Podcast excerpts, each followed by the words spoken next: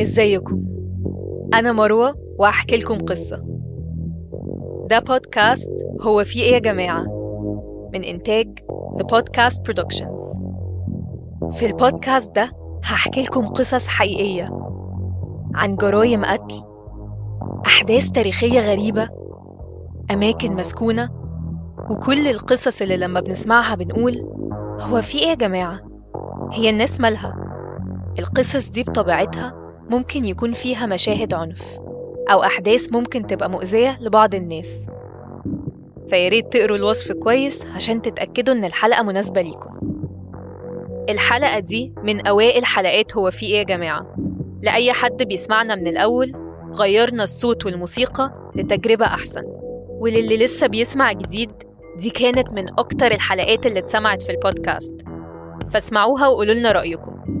وانضموا لجروب الفيسبوك اللي هنسيبه لكم في صندوق الوصف عشان تكتبوا لنا ترشيحاتكم وتعليقاتكم. واستنوا الموسم الثالث من بودكاست هو في إيه يا جماعة. يلا نسمع حلقة النهاردة.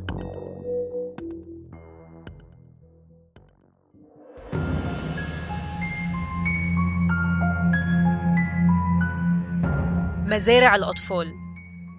قصة النهاردة حصلت في بريطانيا في العصر الفيكتوري. أيام ما كان في حاجة اسمها مزارع الأطفال أو baby farms يا ترى إيه هي مزارع الأطفال؟ وهل حقيقتها ببشاعة اسمها؟ وإيه علاقتها بواحدة من أخطر سفاحين بريطانيا؟ خلونا نشوف سنة 1896 في نهر التمز في بريطانيا في شخص اصطاد حاجة ما كانش عارف هي إيه كانت ملفوفة ومربوطة في طوبة كبيرة متقلاها. جواها كان طبقات قماش وجواهم ورق جرايد وورق بني وجواهم جثة طفلة رضيعة شبه متحللة. الطفلة كان اسمها هيلينا فراي. كان في شريط لزق مربوط حوالين رقبتها ومعقود. والاكتشاف المرعب ده هو اللي خلى الشرطة تكتشف واحدة من أخطر سفاحين القرن التسعة عشر أميليا داير اللي استمرت جرائمها لمدة 30 سنة وبسببها اتغيرت قوانين في بريطانيا. أميليا داير اتولدت سنة 1838 في بلدة صغيرة قريب من مدينة بريستل. اتولدت وسط عيلة ميسورة وكانت أصغر إخواتها الخمسة وكانت متعلمة. مامتها جالها مرض التيفس وده خلى صحة مامتها النفسية تتدهور لكنها في النهاية اتوفت. وأميليا عندها 24 سنة سابت بيت أهلها واتجوزت راجل أكبر منها ب 35 سنة يعني كان عنده 59 سنة وكسبوا على عقد الجواز. هي قالت إنها أكبر بست سنين وهو قال إنه أصغر ب 11 بعد ما اتجوزت ابتدت تشتغل في التمريض. وفي الفترة دي اتعرفت على ألين دين اللي عرفتها على طريقة تانية تكسب بيها فلوس. قبل ما نكمل قصة أميليا تعالوا نعرف إيه هي مزارع الأطفال أو البيبي فارمز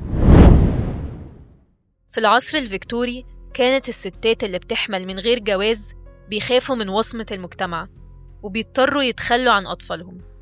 في 1834 صدر قانون شال أي إلزام إن الأب يدفع فلوس لو اتولد له طفل غير شرعي. ولأن ما كانش فيه وسائل منع حمل فكان كمان الأسر الفقيرة ممكن ما يقدروش يتكفلوا بأطفالهم. وابتدى يظهر حاجة اسمها مزارع الأطفال اللي هي إن أفراد بياخدوا الأطفال ويتكفلوا بيهم لكن بمقابل مادي شهري من الأهل. كان في منهم بياخدوا الأطفال لبيوت ترعاهم بجد. وأوقات كانت العائلات بترجع تاني تاخد أطفالها أول ما يستقروا ماديا. لكن الحقيقة إن المجال ده زي ما كان فيه الحلو كان فيه قصص مرعبة لأنه مجال سهل جدا إن أي حد يستغله عشان الفلوس. وكان فيه ناس بيتعمدوا يهملوا في رعاية الأطفال وياخدوا أطفال أكتر من طاقتهم عشان يكسبوا فلوس أكتر. وبسبب ده أطفال كتير ماتوا بسبب الإهمال. وهو ده العالم اللي أميليا داير اللي هنحكي قصتها النهاردة كانت عايشة فيه. جوز أميليا توفى بعد ما خلفت طفلة وكانت محتاجة فلوس. لما أميليا اتعرفت على ألين دين وهي بتشتغل في التمريض وعرضت عليها تدخل مجال مزارع الأطفال. لكن كون إنها أم أو إنها كانت ممرضة أو إنها كانت بترعى مامتها في فترة ما رققش قلبها. وفي 1869 ابتدت أميليا تنزل إعلانات في الجرايد. بتقول فيها اتنين متجوزين بيدوروا على طفل يتبنوه مقابل مبلغ صغير جدا. وأكدت للي كانوا بيجولها إنها هتوفر لهم بيت آمن. لكن ده ما حصلش. أميليا كانت بتستخدم دواء وقتها كان معروف بمother's friend أو صديق الأم. وهو دواء شرب للأطفال العنصر الأساسي فيه الأفيون. كانت بتستخدمه عشان تهدي عياط الأطفال وما تضطرش تأكلهم وتسيبهم لحد ما يموتوا. لكنها كانت بتحتاج شهادة وفاة عشان تدفن الأطفال وعشان كده كانت بتاخدهم لدكتور يقرر سبب الوفاة. لكن بما إنهم أطفال غير شرعيين الدكاترة ما كانوش بيهتموا قوي. بيقرروا إن سبب وفاتهم سبب طبيعي وهو سوء التغذية. في الزمن ده كان دايما في نسبة وفيات عالية للأطفال المولودة وده اللي خلاه حاجة الشرطة ما بتلقطهاش بسرعة. وده ساعد أميليا تكمل في جرايمها لمدة 30 سنة. أميليا اتجوزت تاني في 1872 وخلفت طفلين تانيين واستمرت في عمليات القتل. في سنة 1878 كان في بصيص أمل لأن واحد من الدكاترة شك في سبب وفاة واحد من الأطفال وتقدم بشكوى ضدها وده خلاها يتقبض عليها وتتحاكم.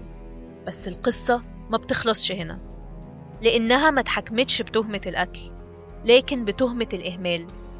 فجالها حكم مخفف بالأعمال الشاقة لمدة ست شهور. بعد ما أميليا خرجت كان في فترة حاولت فيها ترجع لمهنة التمريض. وفي الفترة دي دخلت مستشفى الأمراض العقلية كذا مرة لتدهور حالتها النفسية والأفكارها الانتحارية لكنها رجعت تاني لمهنة مزارع الأطفال. وابتدت أساليبها تبقى قاسية أكتر. بطلت تروح لدكاترة. وطورت طريقة قتلها.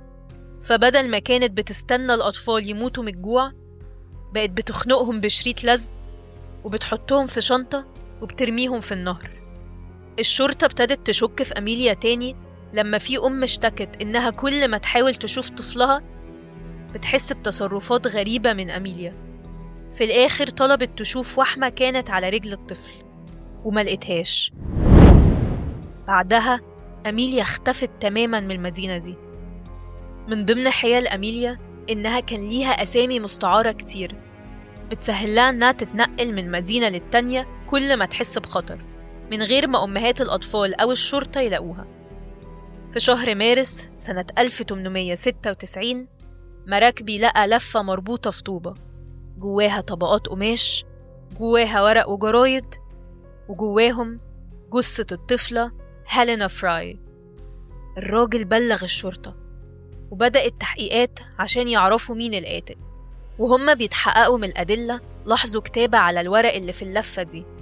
ولقوا مكتوب اسم ست السيدة توماس وجنبها عنوان بيت في مدينة ريدنج. العنوان ده كان عنوان بيت أميليا. الشرطة راقبت بيت أميليا كذا يوم وقرروا يعملوا لها كمين. فكتبوا لها جواب مزيف من ست وهمية. بتقول إنها أم مش متجوزة وبتدور على حد يتبنى بنتها الرضيعة بمقابل مادي. أميليا ردت وحددت ميعاد. ومضت الرسالة باسم السيدة توماس. ولما أميليا راحت تقابل الست الشرطة كانت مستنياها. وهما بيفتشوا بيتها الشرطة اتفاجئت بريحة العفن. لكن ما لقوش جثث بس لقوا لزق بيستخدم في الخياطة زي بالظبط اللي كان موجود على رقبة الطفلة الرضيعة. لقوا تلغرافات عن عمليات تبني. وإعلانات تبني وجوابات من أمهات بيسألوا عن أطفالهم. البوليس اكتشف إنه بس الشهر اللي فات كان فيه عشرين طفل اتسابوا في رعاية أميليا ولا واحد منهم كان موجود. بعد القبض عليها فضلوا يدوروا في نهر التمز ولقوا ست جثث أطفال. وبعملية حسابية لقوا إن عدد الأطفال اللي قتلتهم في السنين اللي فاتت في حدود 300 أو 400 طفل.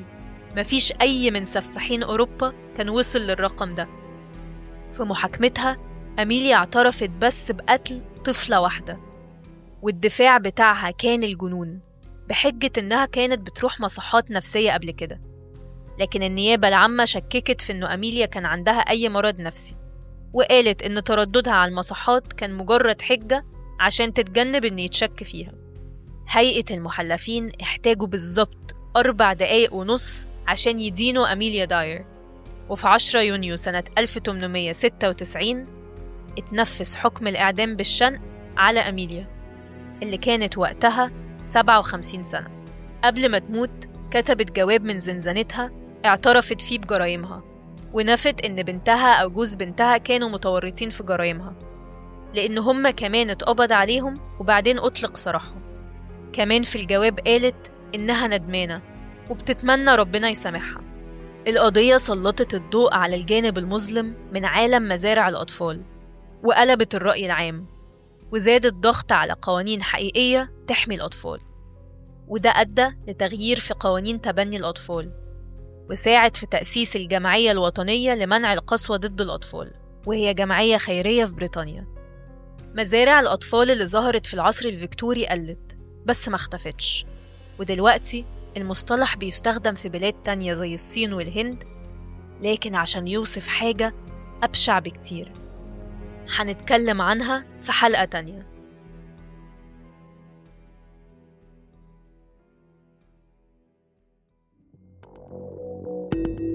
دي كانت قصة النهاردة.